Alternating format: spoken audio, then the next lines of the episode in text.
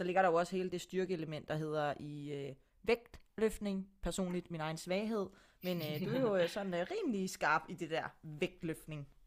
Jeg har i hvert fald øvet mig meget, og jeg regner med, at jeg skal øve mig resten af mit liv, hvis jeg har tænkt mig at blive ved med at lave crossfit i hvert fald. Øhm, det er jo, som du selv siger, fucking svært, og øh, det har også, det er, og har altid været også mega svært for mig.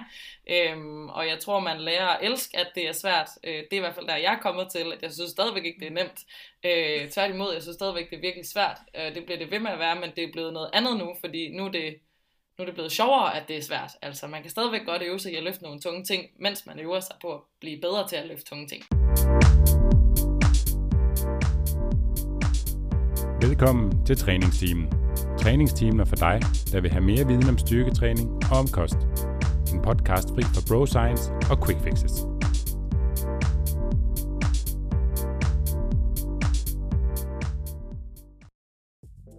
Velkommen til vores miniserie Trænerportrætter.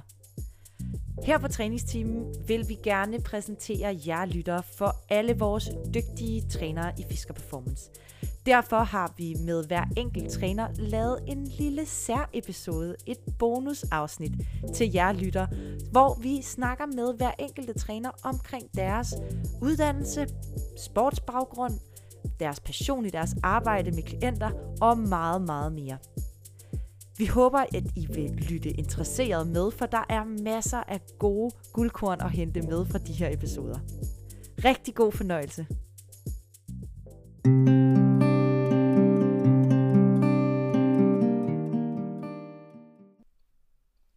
Jeg er din vært, Michelle Lindop, og i dag er du tunet ind på en trænerportræt-episode. Jeg er øh, medejer, medejer i Klub Skov i Valby og træner ved Fisker Performance, og i dag har jeg fået besøg af Trine Wissing, som også er træner øh, i Klub Skov i København. Velkommen til, Trine. Tak skal du have. Velkommen til træningsteam. Det er jo første gang, at du er med i en episode til træningsteam. Ja, det er det. Mm, du har jo, du har jo snydt, du har snydt lidt og været med på et par episoder til øh, Klub Skov podcast, som jo desværre er øh, lukket ned. Um, så du har en lille smule rutine i forhold til det her med at være med på podcast, ikke sandt? Jo, jo. Jeg har lavet to sammen med Rasmus. De findes, uh, tror jeg, et eller andet sted, men uh, ja, dem kan man stadig høre. ja. Og uh, den her episode som sagt en del af vores portrætserie, og uh, i dag der skal uh, jeg, vi, lytterne lære dig lidt bedre at kende og høre lidt mere om, hvad du finder særligt spændende i dit arbejde. Og det indebærer blandt andet noget omkring nogle stærke damer, men også noget omkring stærke damer, der får børn. Så det kan man jo ja. glæde sig lidt til. Vil du ikke øh, starte med bare lige at fortælle lidt kort om, hvem du er og bruger din tid på i store træk? Jo, det kan du tro, jeg vil. Jamen, øhm, det er blevet præsenteret. Jeg hedder Trine. Jeg øh, tænker, jeg kan jo fortælle, at jeg er 29 år gammel. Det er tit nogen, der spørger til, så det kan jeg lige så godt sige højt.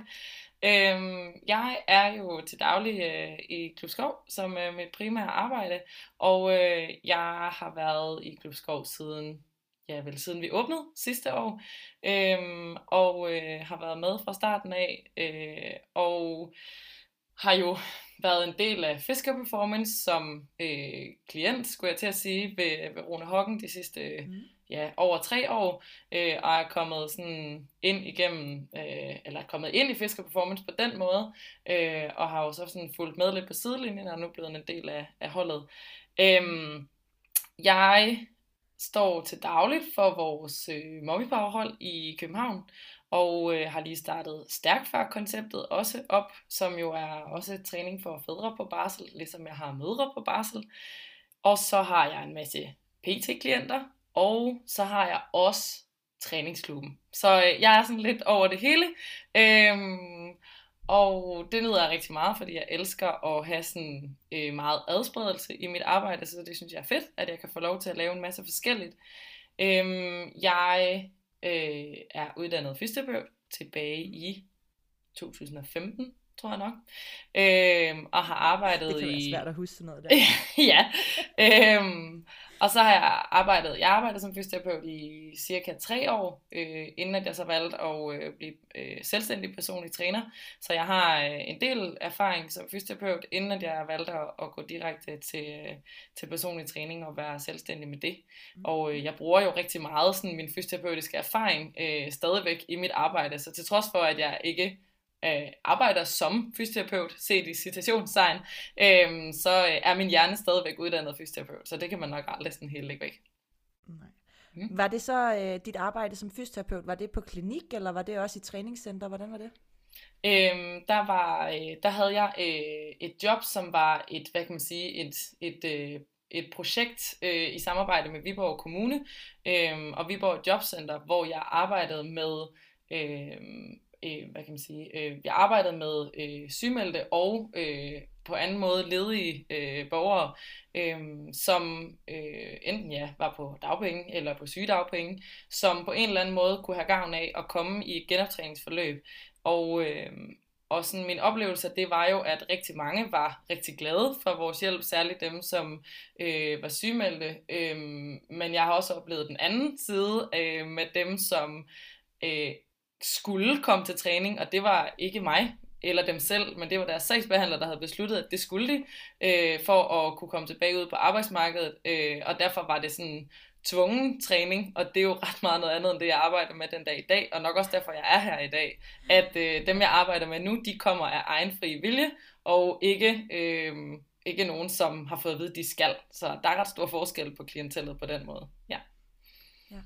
Og øh, nu spoler jeg dig bare lige øh, et lille smule tilbage. Mm. Du øh, sagde noget omkring det her med Fisker Performance. Hvordan øh, lærte du egentlig Fisker Performance at kende? Sådan øh, way back? Jamen, ja, way back. Øh, jamen jeg, øh, det her, og det ved de fleste efterhånden jo, øh, men jeg har stillet op til øh, fitnesskonkurrence også, ligesom du selv har, øh, i body fitness tilbage i 2014 må det så være, ja.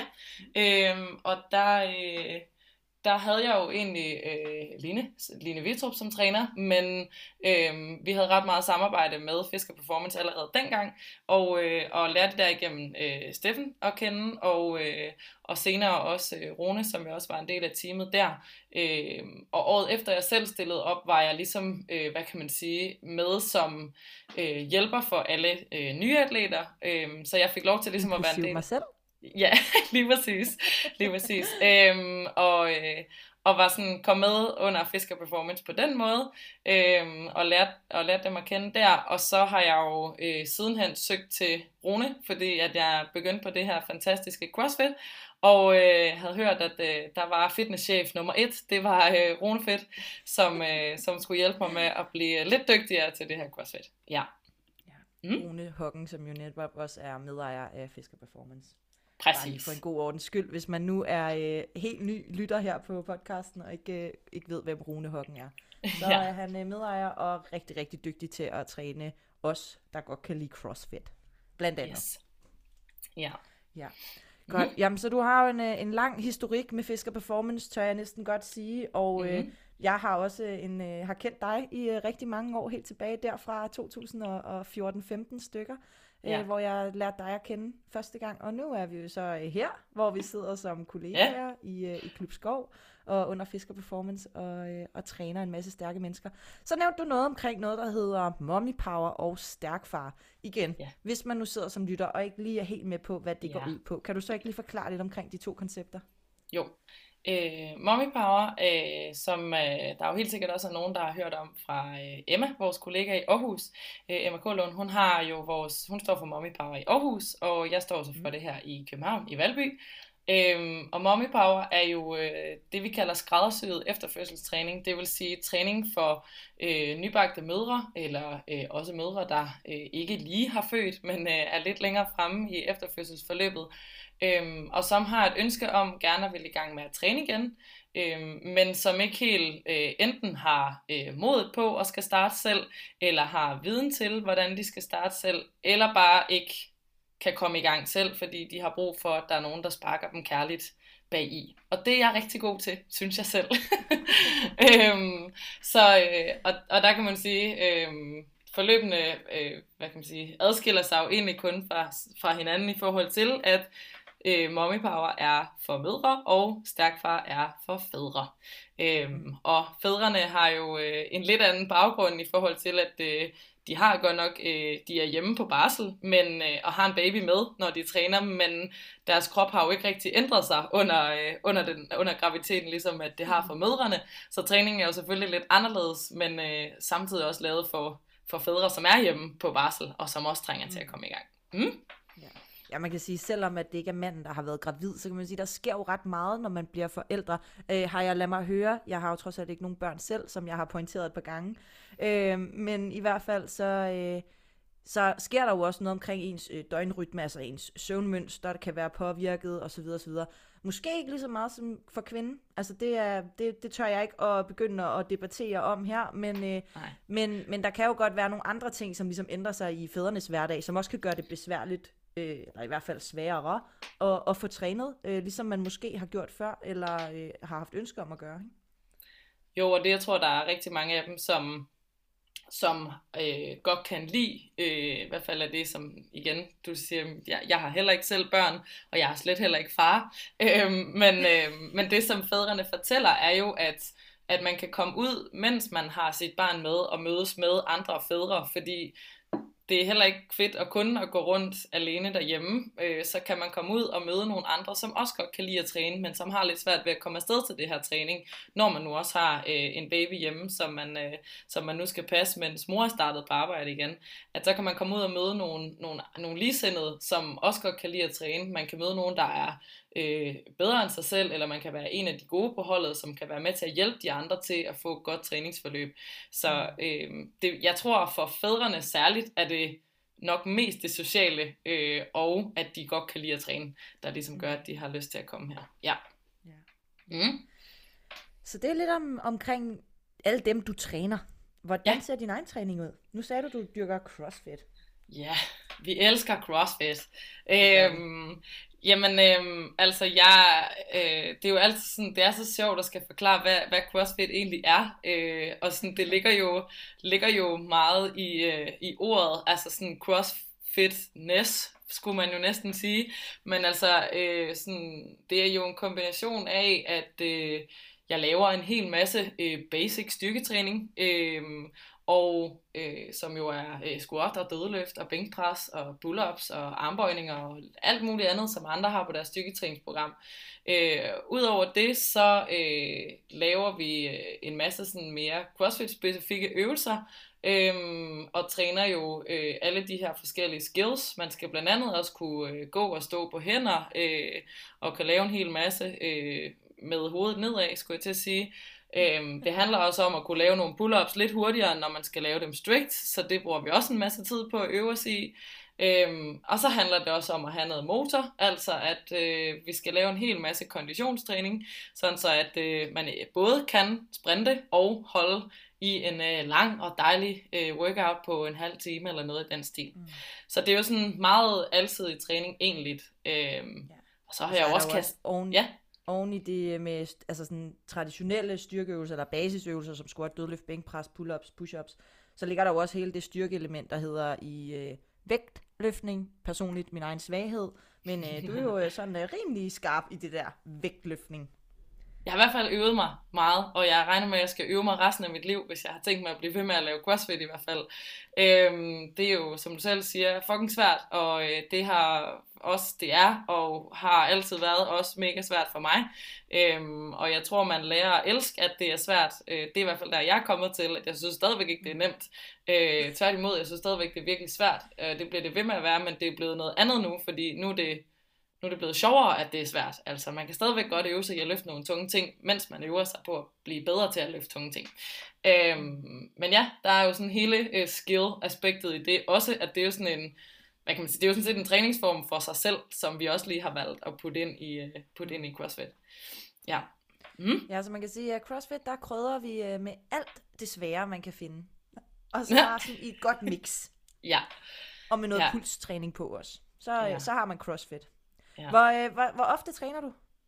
Hvor jeg træner øh, som udgangspunkt fem dage i ugen. Øh, cirka to timer hver, sådan, per gang. Og det er jo inklusiv, at øh, jeg skal varme op, og jeg skal køle ned, og jeg skal skifte tøj, og jeg skal have andre sko på og af og sådan noget undervejs. Og, det er øh, meget svært. ja, det kan være meget svært. Øhm, men altså sådan cirka to timer fem gange om ugen. Øhm, nogle gange lidt mere, nogle gange lidt mindre. Øhm, og så, øh, når svømmehallerne ikke er lukket, så plejer jeg gerne at svømme en tur, også sådan i løbet af ugen, øh, fordi at øh, det er jo igen, CrossFit er mange ting, øh, og jeg har jo kastet mig ud i at lære at svømme crawl og blive bedre til at svømme, fordi det skulle jeg også pludselig kunne. Så det er sådan, det er på min, øh, min øh, aktive hviledag, at øh, der svømmer jeg mig en tur, fordi jeg kan ikke svømme så hurtigt, som min krop den sådan bliver træt af det, så det kan jeg godt sådan lægge og hygge mig lidt med i vandet, øh, og stadigvæk blive bedre til det. Øh, så jeg har en, en lille svømmetræning ved siden af også.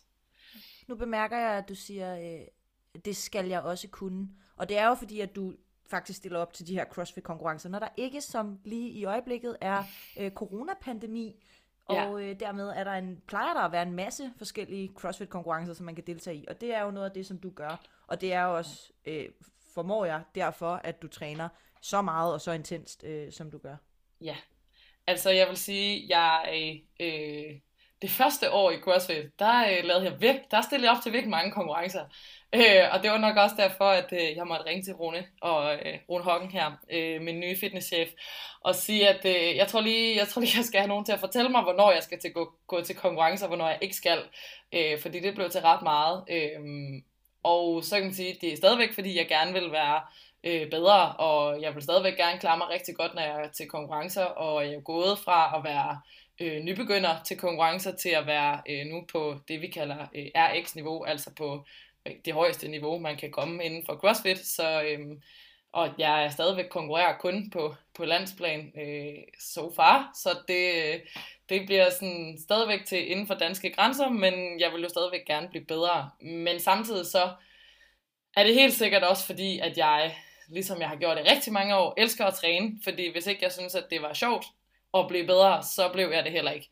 Så øh, det er meget vigtigt for mig, at det er sjovt, det jeg laver. Jeg har prøvet at, øh, at der pludselig gik øh, konkurrence i den, og man skulle være bedre og dygtigere, og det handlede om at stå forrest altid, og det var kun det, det handlede om. Og så er det bare ikke sådan, så er det ikke sjovt mere, og det er sådan, så vigtigt er det ikke at stå øh, øverst på podiet. Det er da fedt, hvis det kommer der til en dag, men, øh, men der hvor vi ligger nu, der, træng, der skal jeg lige øve mig lidt mere, før at, øh, at jeg sådan skal stå på toppen en gang til. Ja. Mm. Hvad, vil du, hvad vil du egentlig karakter, karakterisere dit niveau som? Nu siger du, du er i RX-rækken, øh, hvilket er øh, det, det højeste niveau, man kan komme på. Altså det der, hvor man mm. laver øh, de sværeste øvelser, så at sige. Ja. Øhm, er du, øh, atlet, er du elite atlet, eller er du elite motionist? Øh, jeg er klart elite motionist. Det er jo okay. et, øh, et fantastisk ord, som igen vi kan nævne en af vores kollegaer fra Aarhus, Lasse Thym, som jeg har trænet rigtig, rigtig meget sammen med, øh, mens jeg stadigvæk boede i øh, Jylland.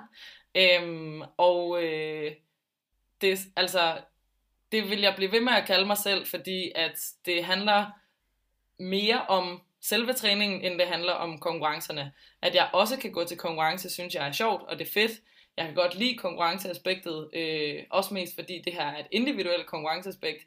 Øh, det er mest mig selv, jeg er afhængig af. Jeg kan finde på at stille op, for eksempel sammen med Lasse, øh, til en konkurrence, men øh, der, jeg er mest afhængig af, hvad jeg selv kan. Øh, fordi at sådan, så jeg stiller kun krav til mig selv. Jeg behøver ikke at stille krav til, til andre. Det ved jeg, at de også gør til sig selv. Så, så jeg tror, det der med, at altså, det er individuel konkurrence, er bedre, end, end at det sådan er en holdsport konkurrence. Ja.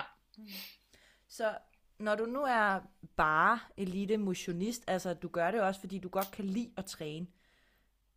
Kan du ikke forklare mig, hvordan man kan vælge at træne så mange timer, som du gør om ugen, når det ikke er på sådan et niveau, hvor man vinder penge, eller altså sådan, øh, rejser rundt med, øh, med det nationale landshold, eller hvad man nu siger, kommer til CrossFit Games for den sags skyld? Puha, det var, det var et skarpt spørgsmål. Ja, det var fandme et skarpt spørgsmål. Åh, oh, undskyld, man må ikke bande. Øhm, jamen, altså, jeg, jeg har jo, altså, som jeg også har nævnt i tidligere podcast med Rasmus, altså, jeg har jo styrketrænet i over 10 år af mit liv nu, øh, og jeg synes stadigvæk, det er lige fedt at løfte tunge ting. Øh, jeg synes stadigvæk, det er lige fedt at blive bedre. Øh, og øh, jeg tror, øh, jeg tror, det handler rigtig meget om, at det at føle, at det at føle, at jeg hele tiden udvikler mig fysisk, altså det gør, at jeg har lyst til at øve mig mere. Altså jeg ved, der er noget, jeg kan blive bedre til. Øh, jeg, og jeg tror, det er det, der sådan også for mig er, er sådan inspirerende fra andre crossfitter, men også det, der er sjovt ved at gå til konkurrence, det er, at altså, jeg kan se, at der er altid noget, jeg kan øve mig på, for at altså, der er altid nogen, der er bedre end mig. Så det her med, at der er altid noget, jeg kan øve mig på, for at måske at nærme mig, at der, altså, der er nogen, der er bedre, øh, som jeg måske kan være med til at konkurrere imod. Øhm, så jeg tror for mig at det sådan også rigtig meget en inspiration, det her med, at jeg kan altid blive bedre. Øhm, så længe der er noget, jeg kan øve mig på, det kan jeg nok måske også relatere lidt til i mit arbejde. Altså så længe at der er noget, jeg kan blive bedre til, så synes jeg, det er, altså, så synes jeg, det er fedt. Så og mm. det er blevet fedt at øve sig. Det har det ikke altid været, men det er blevet rigtig fedt. ja. Nej, det er også, det tror jeg er en rigtig øh, en vigtig øh, kompetence at have, når man nu træner øh, så meget, som du gør. Altså det der med, at jamen, eller måske er det faktisk en faktor, der gør, at du kan træne så meget og bruge så meget tid på det om ugen. Det er fordi, ja. du finder den der glæde ved at øve dig i at blive bedre til at bruge din krop. Øh, hvor at, at vi, vi træner jo begge to klienter, som har valgt aktivt at sige, at jeg vil ikke bruge så meget tid på min træning, fordi der ja. er nogle andre ting, hvor de oplever den her udvikling, ja. øhm, og, og det her med at, at få den her tilfredsstillelse og glæde. Og det er jo forskelligt fra person til person. Det tror jeg bare er en, en vigtig en vigtig reminder nogle gange at, at få, altså sådan det der med, det er okay at vælge det til, det er også okay at vælge det fra. Øhm, ja. Men det handler jo om at finde ud af, hvad er det, der gør det der, altså sådan, hvad, hvad er det, der gør det der ved en, når man bare sådan ikke kan lade være med at blive ved med at gøre det, ikke? Ja, og det, altså jeg synes virkelig, det er et svært spørgsmål, fordi, og nogle gange, så, så kan jeg ikke altid svare på det. Øhm, jeg, altså, jeg plejer jo at sige til mine klienter, at, det kan godt være, at det ser sådan ud, men altså, jeg har jo også et træningsprogram, som Rune har lavet til mig, hvor der står præcis på, hvad jeg skal udføre på hvilke dage. Øhm, og sådan, for mig er det jo efterhånden opskriften på en god træning, øh, og Rune ved godt, øh, hvad kan jeg godt lide, og hvad kan jeg ikke så godt lide, og hvor meget skal jeg træne af det ene for at blive bedre øh, til det, og måske skal jeg ikke træne så meget af noget andet. Øhm, men at, altså, selv de dage, hvor jeg ikke sådan tænker, hold kæft, det bliver fedt at skal ned og træne i dag, jamen, så står opskriften der jo, og tiden er puttet ind i min kalender, så jeg går alligevel ned og laver min opvarmning, og så skal det nok blive fedt, altså så, og så skal det nok blive fedt alligevel, og det ved jeg. Så snart jeg står i det og har løftet den der vægtstang en 3-4 gange, altså så har jeg jo glemt, at jeg ikke gad. Øh, og øh, hvordan jeg er kommet dertil, det handler nok om, at jeg har gjort det virkelig mange gange, og jeg ved, at når jeg er færdig med min træning, så har jeg det øh, helt fantastisk, øh, og jeg er glad, og jeg har brugt en masse energi, øh, og dem, som ikke kender mig, kan jeg jo fortælle, at jeg har... Øh, virkelig meget energi. Øhm, så det er også meget godt at komme af med noget af det sådan, fysiske energi på, øh, på en anden måde end bare at tale med klienter øh, i løbet af en hel dag og danse rundt ned i klubben. Øhm, så for mig udløser det altså noget energi, som er godt at komme af med. Øh, og alle de ting, jeg laver, synes jeg også er sjovt. Så det er nok sådan noget af det, der gør, at jeg, at jeg synes, det er fantastisk. At jeg så også får energi af det. Ja, det er jo så en mærkelig kombi. Det er jo så et problem. Man... man har en energibombe, og så, så træner hun, og så bruger noget energi, og så får hun også mere energi. Goddammit. Ja. ja. ja. Så for lidt over et år siden, da vi åbnede Klub Skov, der var vi jo så heldige, at det faldt sammen med, at du flyttede til Roskilde fra Viborg. Er det korrekt? Ja, jeg nåede lige at bo lidt i Aarhus jo. Okay, det var, så det var, Aarhus. Ja, og så til Roskilde. Ja. Og så flyttede du over til Roskilde til din, øh, ja. til din søde kæreste Rune. Ja. Øhm, og, og vi var jo så heldige, at øh, det faldt sammen, og øh, dermed kunne vi ansætte dig i Klub Skov, hvilket vi jo har været sindssygt glade for. Hvad er det, du sådan særligt brænder for i dit arbejde med dine klienter? Øh, jamen altså sådan, som, øh, som du sagde før, så øh, fik du lige talt mig varm. Øhm, og, øh, og det er sådan, øh, så snart vi begynder at snakke om træning, så øh, ja, måske kan lytteren høre det, men så bliver jeg utrolig glad og øh, meget opstemt og øh, virkelig godt humør her. Du får lidt øh, varme i kinderne og sådan lidt sved på panden faktisk. Du må ikke afsløre mig, Michelle. Det er ikke okay. øhm, men jeg, altså, jeg tror jo, det som Altså, noget af det, der gør, at jeg jo også selv bliver så glad, er jo fordi træning, det, øh, det giver mig energi, og det gør mig glad, øh, og det gør, at, øh, at jeg er den Trine, som, øh, som I alle sammen kender i Klub Skov, øh, både som øh, kollegaer, men også klienter og, og træningsklubdeltagere og, og holddeltagere i det hele taget. Øh, og det, som jeg ønsker mig allermest, er, at øh, min sådan passion for træning, og min øh, glædesfølelse omkring træning, og det det gør for mig, håber jeg, at jeg kan være med til at give til andre. Så min øh, egen lyst og passion for træning, øh, og det gode humør, der sådan følger med det for mig, det håber jeg, at jeg kan være med til at give mine klienter, øh, sådan så de også synes, at træning er dejligt, og det behøver jo slet ikke at være på samme niveau som mig, men at træning er noget, som de glæder sig til, øh, noget de synes, der øh, giver dem noget, om det både er, at det giver dem noget i øjeblikket, men også hvis man for eksempel føler sig stærk, øh, når man træner, at det kan man tage med sig i andre aspekter af livet, at der er faktisk nogle ting, som jeg godt kan overkomme. Jeg kunne godt løfte den her vægt, så er der måske også en anden opgave i mit liv, jeg godt kan løfte, selvom jeg ikke lige havde forestillet mig, at jeg kunne. Øhm, ja. Så det tror jeg, det er sådan, det der med at kan tage styrke fra træning også, og tage det med ud i sit almindelige liv, at det, øh, mm. det er også noget af det, som jeg håber, der sådan kan føres med. Ja. ja.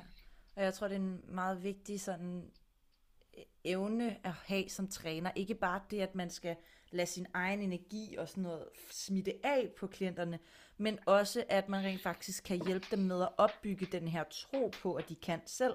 Så det også kommer indefra, fordi vi kan jo sagtens stå der og spille Fandango. Jeg har næsten lyst til at beskrive, hvordan det ser ud, når Trine Wissing er på gulvet med klienter eller øh, med træningsklubben.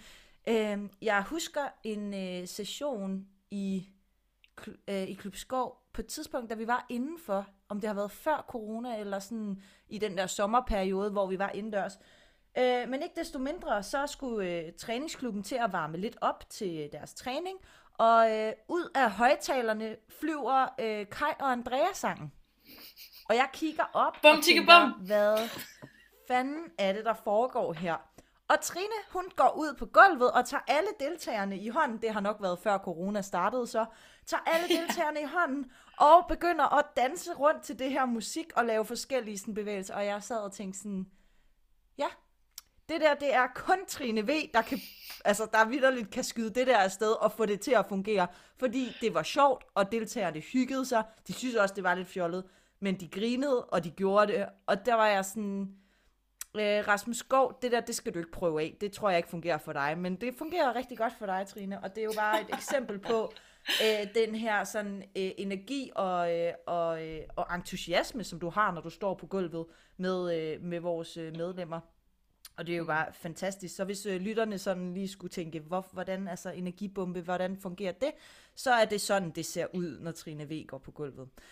Øhm, men det er så en ting af det, ikke? det er jo det der med sådan at få den der energi til at smitte, og folk til at synes, at det er lidt hyggeligt og sådan noget. Men en anden ting er jo også rent faktisk at få dem til at altså gøre dem i stand til, at det også er noget, som de kan gå ud og gøre selv, drevet af måske noget eksternt, men også af noget, der er mere internt, altså noget, hvor at de sådan har den der følelse af, øh, jeg kan godt gøre det her. Det her, det er noget, mm. som jeg godt kan finde ud af. Jeg ved godt, hvad jeg skal gøre, når jeg skal dødløfte, og så gå ned og gøre det. Hvorimod, at man, man jo godt kan sidde der og se på en eller anden, der spiller Fandango, og tænke, ja, det er da meget sjovt og sådan noget, men jeg kan jo alligevel ikke finde ud af det, så når jeg selv skal gøre det, så gør jeg det ikke rigtigt, fordi jeg ved ikke, hvordan jeg skal gøre det. Gav den lille... Ja, altså jeg tror jo, det som altså det jeg hører dig sige, og du må rette mig, hvis det er, øh, er fejl forstået, altså så udover at vi har det sjovt, og træning er pisse sjovt og, øh, og fedt, og vi får en hel masse ud af det, sådan rent øh, øh, fysiologisk øh, endofiner og øh, sådan dopamin og glædesfølelse i det, øh, så er sådan selve undervisningsdelen i træning også for mig altså virkelig interessant. Øh, og det her med at få øh, en eller flere klienter til at, at have følelsen af sådan, aha, det er sådan her, det føles, når dødløft, lad os tage det igen som eksempel, når dødløft føles rigtigt. Hvordan er det så? Øh, hvad er det for nogle ting, jeg skal huske mig selv på, øh, inden at jeg går hen til den her dødløftstang, og hvad er det, jeg skal huske, imens jeg er i gang med at lave det her løft. Og det gælder jo sådan set alle træningsøvelser. Øhm, og det er jo også helt vildt interessant sådan, i selve undervisningssituationen, hvordan får jeg øh, lige præcis øh, vedkommende her til at huske, at øh, du skal trække vejret ind. Øhm, og hvordan får vi sådan ligesom det inkorporeret i øvelsen hver gang, så du aldrig nogensinde glemmer, at øh, hvordan var det nu, Trine hun sagde, at jeg skulle gøre, når jeg dødløftede. Fordi det er jo ikke sikkert, at jeg bliver ved med at være der. Øh, forhåbentlig skal de selv have lov til at, øh, at styre deres træning fremadrettet i deres liv. Øh, og jeg skal ligesom være den, der hjælper dem i gang, og så de ved, hvad er det, de skal, når de går i gang med at træne selv. Mm. Øh, at der er så rigtig mange, der gerne vil have et træningsprogram, ligesom jeg selv synes er helt fantastisk, fordi det fungerer virkelig godt for mig som øh, ekstern motivation øh, at have det her træningsprogram, fordi så behøver jeg ikke at tænke selv. Så skal jeg kun tænke over, hvad er det, min træner har sagt, jeg skal huske, når jeg gør det her. Mm. Øhm, og det håber jeg jo rigtig meget også, at det kan jeg være med til at give mine klienter, at jamen, øh, det er stadigvæk mig, der ligesom er med til at være tovholder på, hvad laver de, men de får selv lov til at holde fri i hjernen fra at tænke på, hvad er det, jeg skal, men jeg skal kun huske på lige præcis det, jeg er i gang med lige nu. Ikke? Jo, lige præcis. Mm. Lige præcis. Ja. Og så er der jo også, altså, en del af det her med at træne meget, er jo også at kunne slappe af. Og jeg ja. ved jo, at du faktisk lige nu personligt har en, øh, en lille øh, break, hvor at du ja. har to ugers øh, træningsfri øh, ja. af, af nogle bestemte årsager. Men, men hvordan er det ikke at skulle træne i to uger, når du nu elsker træning så højt? Altså, jeg vil sige, jeg har klaret det over forventning. og det siger jeg, fordi at øh, det, altså det var lige før, at jeg sådan havde udskudt øh, det her øh, øh, indgreb, jeg lige skulle have lavet. Det lyder så voldsomt, men der var ikke noget farligt i det. øhm, men, men altså, jeg var jo lige ved at udskyde det, fordi at jeg tænkte sådan, så kan jeg ikke træne. Og så skal jeg holde 14 dages pause. Og lige om lidt, så er der faktisk også det der CrossFit Open, og nu har jeg lige meldt mig til, og det dur ikke, jeg ikke er med til det. Øhm, og så sad der heldigvis nogen og sagde, du har en tid på fredag, og så skyndte jeg mig at sige ja til det uden at tænke, og øh, nu er der gået 10 dage allerede, øhm, og det er jo rigtig dejligt, at, øh, at det stadigvæk går godt. Øhm, som jeg også lige har skrevet øh, i går, tror jeg det var, øh, i, en, øh, i en, en, et opslag på Instagram, at heldigvis for mig har jeg haft noget andet at fylde min tid ud med. Jeg har haft en masse øh, nye klienter, som jeg har skulle tage ind øh, samtidig. Så det vil sige, de timer, hvor jeg normalt selv vil træne, har jeg fyldt ud med øh, nye klienter i stedet for. Øhm, og det betyder, at jeg ikke rigtig har haft tid til at tænke over, at jeg ikke har trænet. Men jeg vil sige, havde jeg haft god tid, så tror jeg, det havde været værre. mm. så, øh, så det her med, at det lige er faldet heldigt sammen, det øh, er nogle gange, man kan have lov til at føle sig heldig. Fordi hvis ikke jeg havde haft travlt, så tror jeg ikke, det havde været så fedt. Mm. Ja. Og hvordan, hvordan inkorporerer du det her med sådan at få dine klienter til at, at forstå, at man, altså, det er okay at holde en træningspause? Altså, man kan sige, du er jo ikke eroderet, altså du er jo ikke forsvundet, fordi du har holdt 10 dages træningsfri. Hvilket man, man godt kan frygte, og, og det kan være en meget intens følelse, man kan ja. have. Øh, jeg kender den fra mig selv, og jeg kender den fra rigtig mange af mine klienter. Det der med at holde fri fra træning, det kan være rigtig, rigtig svært. Ja. Hvordan, hvordan, får man, hvordan får man sine klienter til at, sådan, at arbejde med, det er okay at holde fri, og 14 dages ferie, det går nok, det skal, altså, ja. det, det skader ikke din træning. Måske hjælper det dig faktisk i din træning, ikke at træne så meget. Ja. Øh, jamen jeg, altså for det første så kan man jo sige, øh, det lyder altid så øh, fancy at sige, practice what you preach, eller sådan, om det så kommer i den ene eller den anden rækkefølge. For mig har det jo rigtig meget handlet om, at øh, jeg jo også har fundet ud af, at du er ikke bare kun at squatte, hver gang man går ned og træner, fordi så får man trætte ben, og så bliver benene trætte af dig, og så gider de lige pludselig ikke at bøje mere.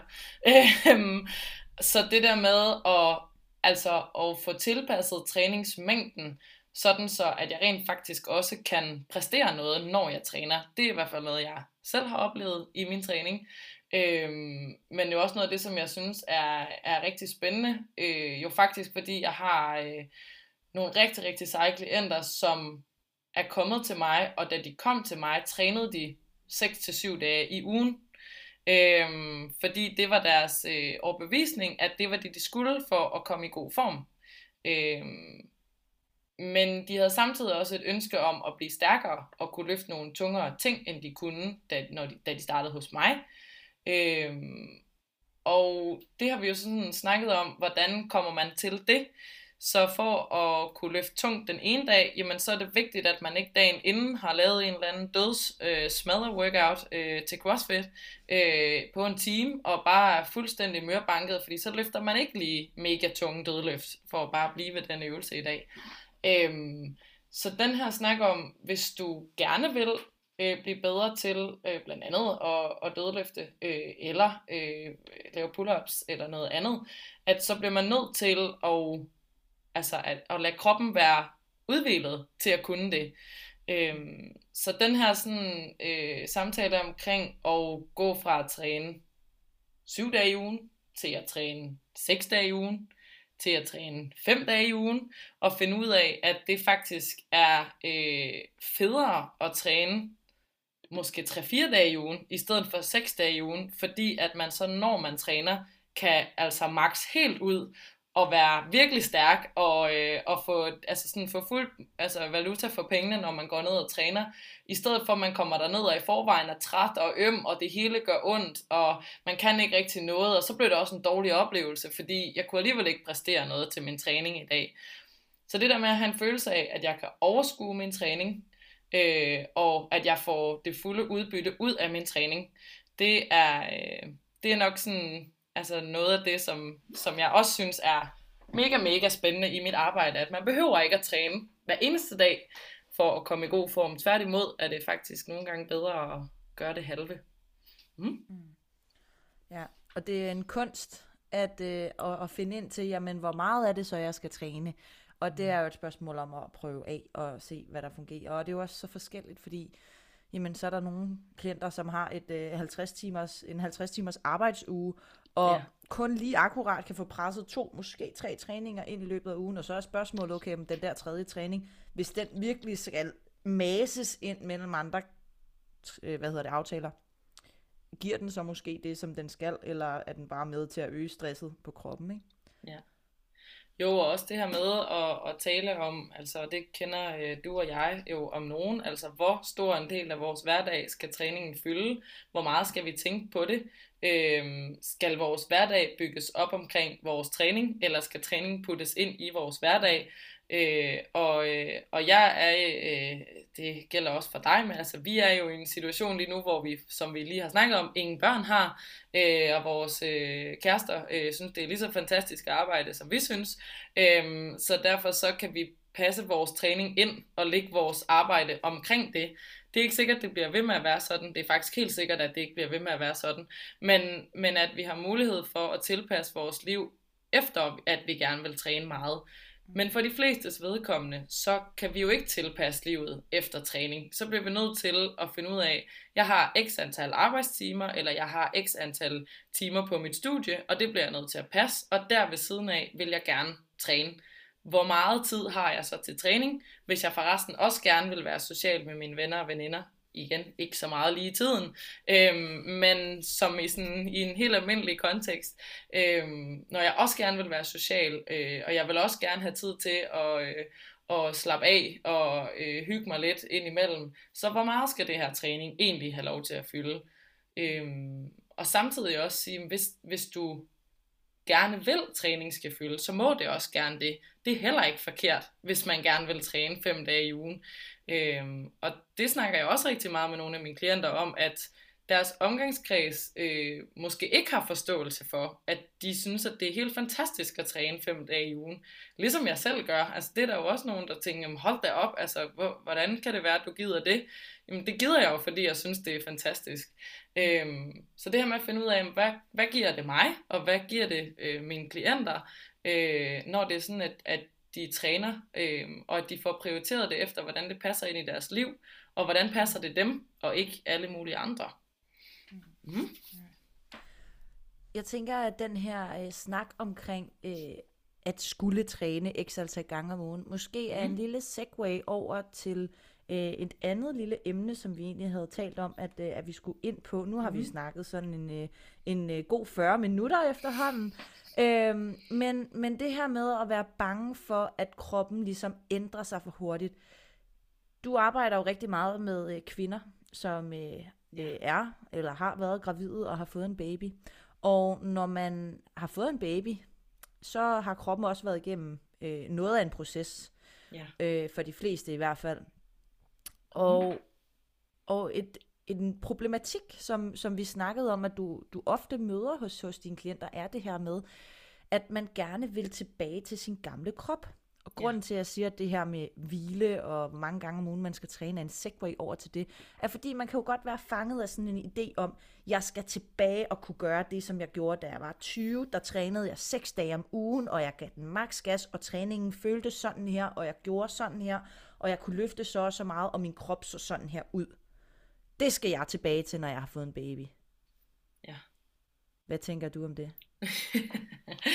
altså for det første, så tænker jeg jo, der er jo, altså jeg møder jo en hel masse fantastiske, skønne kvinder i mit arbejde, øh, og øh, jeg møder en hel masse dejlige mødre, øh, som jeg også lige fortalte dig, inden vi startede her, sådan 80% af de kvinder, jeg træner med, mommy power eller ej, øh, er jo mødre. Øh, så øh, det her med at have fået børn på et eller andet tidspunkt, det øh, kan de fleste af mine klienter sætte sig ind i. Men jo særligt dem, som øh, kommer på mommy power forløbene, kommer direkte fra, at nu har de fået en baby, måske har de fået baby for anden eller tredje gang, øh, og de har oplevet, at deres krop har ændret sig. Og det kan man sige, det, øh, det vil jeg øh, våge at påstå, at kroppen skal ændre sig, når den er gravid, fordi der skal ske noget andet end, øh, end det, der plejer, og man, øh, man skal skabe et, øh, et lille nyt menneske, og, øh, og der sker jo sådan nogle altså fysiologiske ting, når at, at man er gravid. Øh, og det kan jo også godt have betydning for, hvordan man kommer til at se ud efterfølgende. Øh, sådan noget, øh, man for eksempel, noget af det, som, som man for eksempel kunne kigge på, det var, jamen, når man skal føde en baby, så øh, kræver det, at vores bækken giver sig, og det øh, kan det for de flestes vedkommende. Øh, hvis at bækkenet ikke kan give sig nok, så vil man få kejsersnit, og det kan der jo være øh, flere årsager til. Øh, men som udgangspunkt, så giver bækkenet sig så meget, så at øh, der kan komme en baby ud igennem bækkenbunden. Øh, og når der er kommet det, jamen for nogens vedkommende vil bækkenet stille og roligt øh, komme tilbage på, på plads, men for nogen vil det også være, så vil man have et lidt bredere bækken, når man har født. Og det kan vi jo ikke rigtig gøre noget ved, uanset hvor meget man har lyst til at ændre på det. Øhm, så det vil jo for eksempel være noget, som det kan vi ikke ændre på. Derfor kan vi godt gå i gang med at træne noget andet, men jeg kan jo ikke ændre på, at bækkenet er blevet bredere øhm, efter en fødsel for eksempel. Mm. Øhm, og... Så der er det jo lidt mere at kigge på, okay, hvad er det, jeg egentlig har kontrol over, og så ændre på det, som man har kontrol over, acceptere det, man ikke har kontrol over, og så gøre det, som alligevel er vigtigt for en, ikke? Jo, jo, og det, det er jo, altså, øhm, når jeg sådan har snakket med, nu har jeg øh, lige i den her uge snakket med en, en hel masse mødre, som gerne vil øh, starte på Mommy Power her i løbet af de næste uger. Øhm, og sådan, øh, hovedtemaet har jeg jo også skrevet ned, fordi jeg vidste, at vi skulle snakke om det i dag, er jo det her med, at sådan, jeg vil gerne føle mig stærk i min krop igen. Og det synes jeg jo er et, et virkelig godt udgangspunkt, fordi det handler ikke kun om, hvordan ser min krop ud, men jeg vil også gerne kunne bære min baby, uden at det er et problem. Jeg vil gerne kunne komme rundt derhjemme. Jeg vil gerne kunne gå en tur, uden at jeg bliver forpustet. Sådan så, at man føler, at øh, jeg føler mig stærk, og jeg føler mig tilpas i min krop. Der er ikke noget, jeg skal være bange for at gøre. Der er ikke nogen bevægelser, jeg ikke kan. Øh, så det her med, at, og, øh, hvordan man går ind til det, altså hvilket fokus er det, man har, fordi hvis du kommer og gerne vil have en stærkere krop, det er jo et vidt begreb, men det vil vi jo næsten altid kunne sige, at, at det får man, fordi når du lige har født, så er der en periode, hvor at man er mere stillesiddende, og det skal man være. Man er lige blevet mor, der er en baby, der skal have alt din opmærksomhed, og det er, jo, det er jo det, der skal ske ugerne efter man har født. Det er jo, at man har en baby, der skal have al opmærksomheden, så det er ikke mærkeligt, hvis man bliver inaktiv. Men hvis man gerne vil i gang igen, øh, så handler det jo også om, hvordan har din krop det? Der er også stor forskel på, hvordan har kroppen det efter fødsel. Nogle kan starte tidligt, nogle kan øh, gå i gang med stille og roligt at bevæge sig og lave noget, der ligner træning efter 14 dage, og nogen synes slet ikke, det er rart at lave noget som helst, der ligner træning, før der er gået tre måneder. Og det er jo igen meget individuelt. Så, så hvad kan jeg begynde at gøre? Det handler jo rigtig meget om, hvilken krop det er, man lige har. Ja, Jamen, helt bestemt. Og også, altså, hvordan har man trænet op til sin graviditet, op til øh, fødslen, og øh, hvor, hvor godt reagerer kroppen, så at sige, på, øh, på fødslen, og så videre, og så videre, og så videre. Ja. Øh, men, men bare fordi, at man har fået en baby, betyder det jo ikke, at man ikke kan træne. Nej, det gør det ikke. Fordi at for de fleste har de jo, altså de fleste har jo et eller andet aktivitetsudgangspunkt. Om det så er, at man cykler frem og tilbage til arbejde, eller at det er, at man er vant til at gå ned i fitnesscenteret, eller man har været øh, vild med at løbe, eller øh, hvad man har været vild med at spille fodbold, eller volleyball, eller hvad man har sådan lavet af aktivitet, enten inden man blev gravid, måske endda også under graviditeten. Sådan, der er jo stor forskel på, hvad man har et træningsudgangspunkt. Øhm, men selv hvis man ikke har trænet før, så er der jo ikke noget i vejen for, at man siger, jeg har lyst til, at der skal ske en forandring med min krop nu her. Øh, om det så er fordi, at man igen føler, at man vil gerne være stærkere, om man har fokus på, at øh, man har måske taget ekstra kilo på, ud over baby, mens man har været gravid, dem vil man gerne af med. Øh, sådan, der kan jo være, altså, der kan være rigtig mange årsager til, at man gerne vil i gang med at træne. Men mm. også selvom du har altså ikke har dyrket nogen form for motion eller aktivitet før, kan du sagtens stille og roligt starte op med at træne, når du har været gravid og når du har født. Øhm, det handler jo igen om, ligesom det gør med alle vores andre klienter, at vi tilpasser træningen til den enkelte mor, sådan så at træningen bliver det, du kan lige nu, og ikke at, øh, hvad kan alle de andre på holdet, men hvad kan du?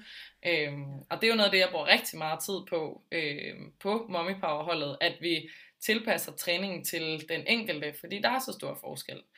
Øh, samtidig er det jo selvfølgelig øh, nogen, der er så heldige, at øh, de træner øh, meget, øh, hvad kan man sige, øh, jævnt allerede, øh, når de bliver gravide. De fortsætter deres træning, og øh, nogle er heldige, at øh, de hverken har kvalme eller øh, voldsom bækkenløsning eller noget som helst før allersidst i graviditeten, og de kan træne øh, måske op til dagen inden. Øh, og hvis man kan det, så har man jo også et helt andet træningsudgangspunkt. Måske er kroppen også hurtigere tilbage igen. Det kan også være, at den ikke er. Det ved man ikke. Men så har man jo selvfølgelig også et andet træningsudgangspunkt, hvis man har haft mulighed for at træne helt indtil man fødte. Så har træningspausen jo ikke været så lang. Nej, lige præcis. Mm. Og øh, vi har jo nogle øh, rigtig søde og dygtige kollegaer, Christian og Emma, som øh, har lavet en podcast helt specifikt ja. til emnet øh, omkring at, at blive mor, øh, om, øh, om øh, graviditets- og efterfødselstræning. Ja. Og øh, det er podcasten Mor-Sion, M-O-R, Øhm, så der kan man jo hoppe over, hvis man, øh, når man er færdig med at høre den her, afsnit, øh, den her episode, og alle vores andre episoder på træningsteam, så kan man jo lige hoppe over og kigge derover og se, om der er nogle af de emner, de tager op, øh, som, er, som er spændende. Øh, ja. Trine, vi to var jo på, øh, på kursus hos øh, den søde Christian ja. for nogle måneder siden er det efterhånden, mm. øh, hvor vi jo netop øh, blev undervist i det her med, sådan, hvad sker der egentlig under øh, graviditeten og efter fødslen osv. Og, mm. øhm, og en af de ting, som jeg tog med fra det kursus, det var, at jamen, det er jo helt naturligt, at kroppen ændrer sig under en graviditet, og at man Altså, at man får det her famøse rectus diastase, altså at man, mm. ens mavemuskler, de skiller sig ad, at man får bækkenløsning er også en helt naturlig del af processen. Øh, og det var sådan noget af det der, hvor jeg tænkte sådan, ja, det er da rigtigt. Altså alle de her ting, som bliver gjort til noget farligt, og uh nej, pas på. Ja. Jo, selvfølgelig skal man være forsigtig. Selvfølgelig skal man være opmærksom på, hvad er behageligt for min krop. Man skal ikke bare trumle der ud af, og så bare øh, afskære øh, ens øh, bevidsthed fra ens krop. Man skal selvfølgelig tage udgangspunkt i, hvordan reagerer kroppen på træningen. Men der er jo ikke nogen af de her ting, der sker under en graviditet, som er sådan decideret farlige eller unaturlige i hvert fald. Det kan godt være farligt, det kan det selvfølgelig godt. Men, men det er i hvert fald ikke unaturligt, at mange af de her ting sker.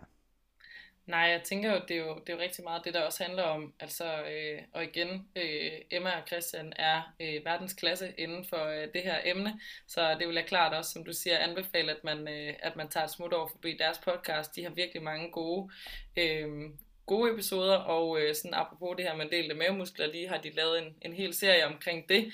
Øh, og lige præcis som du siger, så er det jo ikke, altså det er ikke farligt.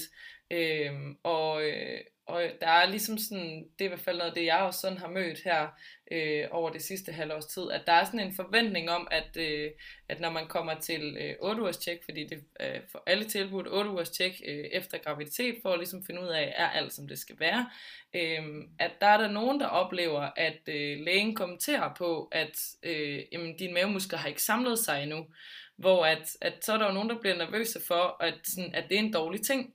Øhm, og det vil jeg jo bare sige, det, altså, det er så individuelt, så jeg forstår godt, at lægen af forsigtighed øh, siger, at vær lige ops på, at øh, der mangler stadigvæk noget her, og der er noget væv, som endnu ikke har øh, sådan genvundet fuld styrke.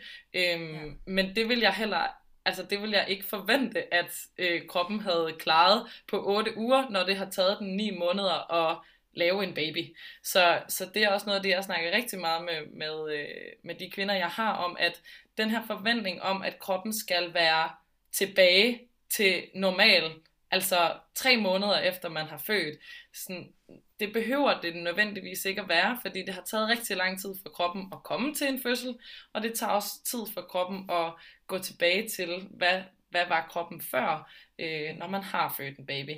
Øh, så vi snakker rigtig meget om tålmodighed. Øhm, det gælder øh, mange ting sådan i livet omkring træning, men jo det her med at være tålmodig omkring, at kroppen faktisk godt selv kan øh, finde tilbage til øh, sådan i citationssegn øh, normalen. Og som vi snakker om tidligere, jamen hvad, altså, hvad er normal, og er der nogle ting, som har ændret sig, som aldrig kommer til at ændre sig tilbage, efter man har født. Mm. Det kan der godt være, men for rigtig mange vedkommende er, kommer man jo nogenlunde tilbage til der, hvor man var før. Mm. Mm. Ja, og så er der måske også en masse andre prioriteter, som ændrer sig i sit liv, når man bliver mor. Øh, igen, det her, det er jo ren spekulation fra Trine og jegs side. ja. øh, vi, øh, vi videregiver kun det, som vi har øh, hørt og øh, lavet os fortælle fra andre øh, dygtige mødre øh, med viden inden for det her område, blandt andet øh, Emma. Øhm, og så tænker jeg, Trine, at så kan vi jo ellers øh, vende tilbage til det her emne, når det nu er, at øh, vi engang har fået øh, nogle babyer, ja. og så kan vi jo se, øh, okay, vi stresser sindssygt meget over vores krop efter fødslen. Men, ja. øh, men lad, os, øh, lad os lad det være ved, hvad det er. Mm-hmm. Trine, jeg synes, at vi skal øh, til at runde øh, episoden her af. Det har ja. været en rigtig hyggelig snak. Mm. Hvis vi nu sammen skulle prøve at finde sådan tre pointer fra den her snak, som vi ligesom gerne vil tage, øh, have, at lytterne tager med fra episoden. Mm. Hvad, hvad for nogle tre pointer skal vi så finde frem her? Har du en sådan lige ud af ærmet? Åh, ja, det er et godt spørgsmål. Øhm, jeg tror, øhm, det her med, øhm, at øh, altså at finde for mig i hvert fald, det her med at finde frem til en træningsform og øh, en træningsmængde, som passer ind i din hverdag, som gør, at træning bliver noget positivt, og noget, som du glæder dig til og ser frem til, og som du siger, ikke noget, der bliver presset ind i kalenderen, men faktisk noget, der lægges ind i kalenderen, fordi det er noget, jeg har lyst til at bruge min tid på. Mm. Øhm, og så tænker jeg også det her med at øhm, tage øh, tage det, som vi øh, hvad kan man sige, lærer i vores træning, altså tage den øh, fysiske udvikling, man har, øh, om det er du og jeg under vores træningsforløb, eller det er vores klienter i deres træningsforløb, men den fysiske øh, udvikling, vi har, altså den fysiske hvad kan man sige, igen i gåsøjen, øh, succesoplevelse, vi har med træning, at man tager den med ud i sit almindelige liv, og bruger, øh, hvis der er nogle udfordringer, man synes, der er svære at overkomme, øh, og så kan relatere lidt til, at dengang jeg skulle dødløfte de der 100 kilo for første gang, det var også noget, jeg skulle overkomme, men jeg kunne godt, og jeg gjorde det alligevel. Øh, det synes jeg måske også er en, øh, en meget vigtig ting at tage med. Ja, hvis jeg må tilføje til det, jeg synes, det, ja. er, det er så rigtigt. Altså sådan, man kan opbygge en hel masse, øh, hvad hedder man, hvad hedder det sådan, øh, øh, kompetence, eller hvad sådan, troen på sig selv kan man opbygge igennem at træne. Og så skal man bare lige tilføje til det, at det man træner, det bliver man som regel god til. Så, ja. så man kan ikke bare, bare gå ned i træningscenteret, og så give den gas, og så forvente, at så løser alle problemerne sig, eller man opnår drømmejobbet på baggrund af det, men så, så skal man bare tage det, øh, som det ligesom kan være en metafor for at gå ned i træningscenteret og virkelig give den gas med sin træning, Se det som en metafor for, at hvis du gør det ude i dit liv, med de ting, som du gerne vil opnå i livet, jamen så kan du, og lægger lige så meget energi i det, så kan du også optræne dig til at opnå nogle mål på den front. Ja, det synes jeg Og så har jeg en, jeg har en lille, jeg har en lille tredje pointe. Ja, Og det er, at øh, hvis man skal tage noget med fra den her episode omkring, hvordan Trine V er, så er det, hun er øh, rødhåret, hun er fuld af energi, og hun er virkelig, virkelig empatisk og dygtig med hendes klienter. tak for det. Så tænker jeg, så har vi også givet den med videre. Så har man lært lidt der, om dig også. Ja. Så Trine, tusind tak for snakken. Selv tak. Det har Det været var en fedt at have fornøjelse. dig med. Jeg håber, at, øh, at lytterne også øh, nyder den her episode lige så meget, som jeg har nyt at snakke med dig i hvert fald. Og ellers så kan man jo finde dig på sociale medier, tænker jeg. Hvor er Ja. det, man, øh, man øh, fanger dig henne? På øh, Instagram og Facebook, øh, bare under Trine Wiesing. Øh, ja, og ellers på Fisker Performance hjemmeside, øh, mommypower.dk. Sådan. Tak for i dag, Trine. Selv tak, Michelle. Og det var så afslutningen på denne episode. Hvis du gerne vil læse mere om træningsteamen og om det enkelte afsnit, så kan du klikke ind på træningsteamen.dk. Og hvis du har spørgsmål til den enkelte episode, eller har forslag til emner, vi kan tage op i en fremtidig episode, så har vi oprettet en Facebook-gruppe, som du kan tilmelde dig. Facebook-gruppen hedder Træningsteamen, og jeg håber, at du vil være med. Og hvis du kunne lide den her episode og gerne vil have flere episoder fra os, så vil vi sætte stor pris på en god anmeldelse i din podcast-app. For det er ingen hemmelighed, at vi laver den her episode for netop dig derude, og vi tjener faktisk rigtig lidt penge ved at lave podcast. Faktisk ingen penge. Så måden du kan hjælpe os på er ved at dele vores podcast og anmelde den, så vi kan få vores podcast ud til så mange som muligt og forhåbentlig hjælpe dem. Og det er netop derfor, vi gør det her. Hvis du gerne vil læse mere om Fisker Performance og hvad vi ellers foretager os, så kan du følge os på både Facebook og på Instagram under navnet Fisker Performance. Og så er der vist ikke andet end at sige tak fordi du lyttede med. Vi høres ved.